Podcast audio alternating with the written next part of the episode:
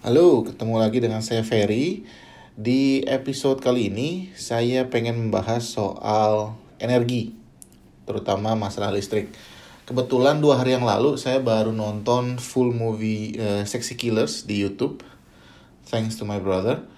Um, ya, despite ada unsur menyebutkan nama beberapa tokoh politik di Indonesia, uh, itu saya nggak mau ikutan ataupun juga saya baca berita ada yang mengkaitkan film tersebut dengan kondisi debat uh, pilpres 2019 saya juga nggak mau ikutan.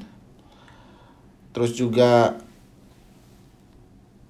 masalah apa ya uh, tambang batu bara untuk untuk untuk uh, energi kebutuhan energi uh, nasional Indonesia ataupun energi terbarukan itu juga saya tidak mau terlalu banyak bahas soalnya saya bukan ahli energi saya juga bukan ahli uh, perekonomian yang bisa menyusun apa ya kerangka bisnis case lah baiknya seperti apa ke depannya bangsa Indonesia. Cuman yang jelas gara-gara nonton film itu saya jadi tertarik pengen pengen share aja soal gimana sih saya dan keluarga selama ini memanage uh, penggunaan energi kami di rumah terutama di Belanda ini. Kenapa? Karena uh, semenjak di Belanda kita semua ya bareng-bareng mencoba berhemat energi sebisa kita baik itu urusan uh, gas, listrik uh, maupun uh, bensin untuk mobil. Yang jelas kalau untuk uh, energi rumahan background dulu kali ya di Belanda ini harga listrik, harga eceran listrik per kWh itu akan lebih murah dibandingkan harga gas per meter kubik. Jadi ketika winter di mana kita butuh heating yang banyak, yang mayoritas rumah-rumah di Belanda masih pakai gas untuk menghangatkan airnya, itu biasanya kita bayar lebih mahal. Sementara untuk listrik karena sebagian ada yang menggunakan energi uh, matahari atau energi angin, atau air ataupun masih ada yang uh, pakai gas ataupun juga uh, batu bara uh, harganya variatif tapi tetap jauh lebih murah dibandingkan uh, harga per meter kubik gas. So kalau bisa menghemat penggunaan gas terutama untuk heating biasanya charges kita setiap bulan akan lebih rendah. Ada sih rencana by 2030 uh, pemerintah Belanda bilang tidak ada harus tidak ada lagi eh, apa pemanas air di rumah-rumah menggunakan gas. Semua harus beralih ke listrik. Cuman yang jelas karena saya tinggal di apartemen, jadi saya harus nunggu nih perhimpunan penghuni apartemen ya kayak semacam RT kali ya kalau di Indonesia itu untuk membicarakan kapan kita mau beralih semua ke uh, listrik untuk penghangat uh, rumah karena sistemnya ini uh, centralized di satu gedung jadi kalau mau ganti kita harus ganti semua dan artinya kita harus patungan bareng-bareng nah cuman yang terbersit dari dari nonton film Sexy Killers itu adalah jadi inget banget dulu ada iklan layanan masyarakat di Indonesia yang intinya hemat energi, hemat biaya. Which is itu benar banget. Bahkan di Belanda sendiri perbedaan antara harga yang kita bayarkan setiap tahun itu bisa berarti banget kalau kita bisa berhemat. Yang paling pertama kami lakukan waktu pindah ke rumah yang sekarang adalah mengganti semua lampu dari lampu yang biasa, saya nggak tahu apa apa istilahnya, ke uh, lampu berbasis LED. Memang lebih mahal uh, harga satuannya. Contohnya aja uh, dulu pernah lihat di supermarket harga satu bola lampu yang sama dengan penghuni sebelumnya itu cuma dijual 85 sen. Itu untuk energi 21 watt. Jadi lampu untuk 21 watt harganya itu 85 sen. Sementara saya beli LED yang 3 watt yang setara kurang lebih dengan 30 sampai 60 watt terangnya itu satuannya sekitar 4,5 euro. Jadi at least 500% kali ya beda harganya. Tapi sampai sekarang berarti sudah lima tahun hampir lima tahun saya tinggal di rumah itu belum ada satupun lampu yang uh, padam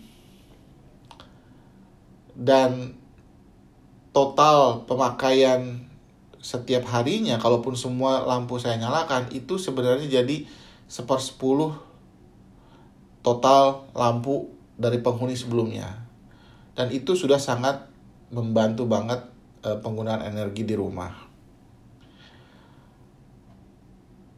Yang jelas kalau di Belanda sendiri yang mungkin bisa jadi pelajaran buat Indonesia uh, bisnis energi ini udah jadi bisnis yang komersil. Jadi um, semua vendor itu berlomba-lomba untuk untuk menawarkan uh, solusi green dalam uh, dalam penyediaan energi. Yang jelas penyedia gridnya penyedia jaringan sampai ke rumah-rumah itu satu. Tapi penyedia daya energinya itu bermacam-macam. Sangkin kompetitifnya, sangkin komersialnya, itu bisa tiap tahun kita dapat telepon dari perusahaan energi yang berbeda itu untuk membujuk kita pindah ke provider tertentu dengan iming-iming diskon, dengan iming-iming uh, cashback atau uh, voucher belanja dan sebagainya. Sangkin kompetitifnya dan mereka juga sangkin kompetitifnya itu berlomba-lomba menawarkan ya energi terbarukan gitu di di portfolio mereka. Apalagi kesadaran orang-orang penghuni uh, rumah di Belanda ini untuk menggunakan energi hijau, energi terbarukan itu mulai meningkat dan boleh dibilang cukup tinggi meskipun tidak setinggi negara lain di Eropa. Yang jelas saat ini juga tren dari rumah-rumah itu mereka pasang solar panel. Nah, untuk membang, membantu uh, penyediaan solar solar panel ini banyak metodenya. Ada yang uh, meminjam duit dari bank, bahkan ada financial institution tertentu yang memberikan kredit murah untuk uh, orang perorangan memasang uh, solar panel. Bahkan juga ada yang uh, membuat jasa uh, rental solar panel selama 10 tahun misalnya. Jadi skema-skema financing seperti ini bisa bisa juga dijadikan ide buat buat teman-teman yang di Indonesia terutama kalau tertarik untuk menggunakan energi terbarukan untuk uh, apa pengadaan listrik di rumahnya skema-skema ini juga penting gitu loh. Jadi kalau cuman kita mengeluh kepada pemerintah uh, masalah kok ini apa listrik di kita biar pet terus um, apa ketika pemerintah menggunakan menggunakan energi yang relatif murah untuk mempercepat proses which is batu bara untuk untuk PLTU terus kita protes atas dampak lingkungannya kayaknya circle itu nggak akan pernah habis gitu loh. Karena kayaknya apa pun keputusan yang diambil itu akan berpengaruh terhadap uh, pribadi baik itu dari sisi harga maupun uh, kesehatan ataupun uh, apa uh, baik kebaikan lingkungan dan sebagainya. Jadi mungkin kita sendiri dari dari pengguna bisa mulai dengan berhemat uh, atas penggunaan energi kita triknya banyak banget bisa mulai dari apa namanya uh, ya itu mengganti semua bohlam dengan uh, bohlam lampu yang uh, energinya lebih kecil LED terus juga mengganti uh, alat-alat elektronik lama menjadi alat elektronik yang lebih baru yang penggunaan energinya lebih kecil atau bahkan extremely mengurangi jumlah barang elektronik yang kita pakai di rumah. Terus udah gitu juga kita perlu perhatiin jam-jam tertentu kapan kita pakai energinya apakah kita harus pakai untuk semua ruangan atau hanya ruangan tertentu saja ya itu semua bisa membantu proses supaya menjaga demand tidak naik terlalu tajam sehingga uh, kita terlalu terlena untuk menggunakan bahan bahan-bahan dasar energi yang relatif murah seperti batu bara tapi ya berdasarkan film itu tidak baik untuk lingkungan, tidak baik untuk kesejahteraan sosial dan sebagainya. Yang jelas kalau di Belanda sendiri tadi 2030 target pemerintah itu tidak ada lagi uh, energi yang menggunakan energi rumahan yang menggunakan gas semua harus beralih ke listrik.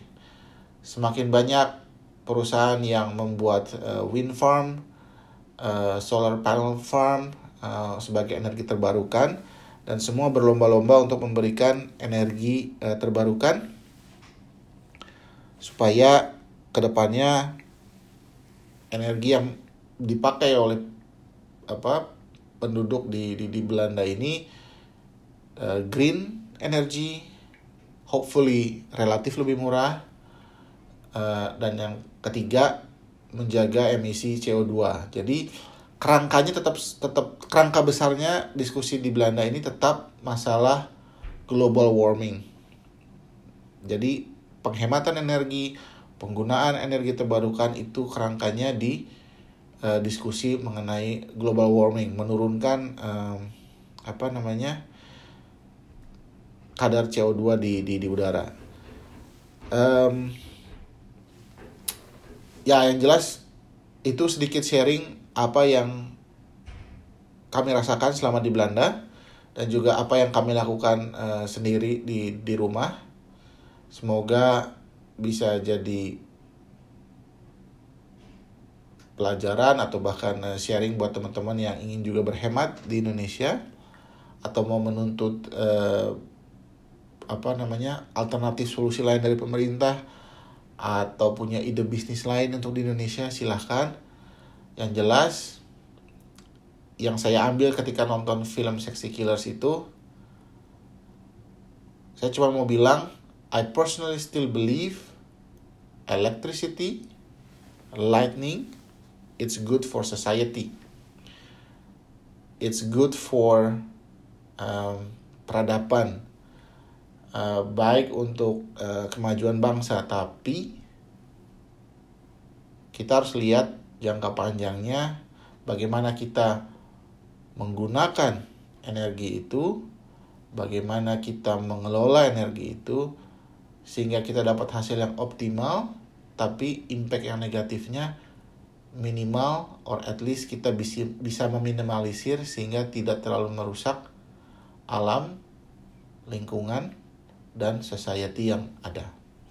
Oke, segitu dulu. Sampai ketemu lagi di episode berikutnya. Dan buat yang belum nonton Sexy Killers, again, jangan terlalu pedulikan masalah masalah nama-nama orang yang terhubungan dengan politik di film itu fokus ke message masalah penggunaan energi, masalah sumber energi.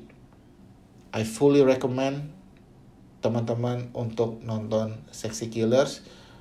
Uh, di YouTube uh, tersedia bebas full movie-nya, so teman-teman bisa nonton di sana. Oke, okay, segitu dulu. Sampai ketemu lagi. Bye bye.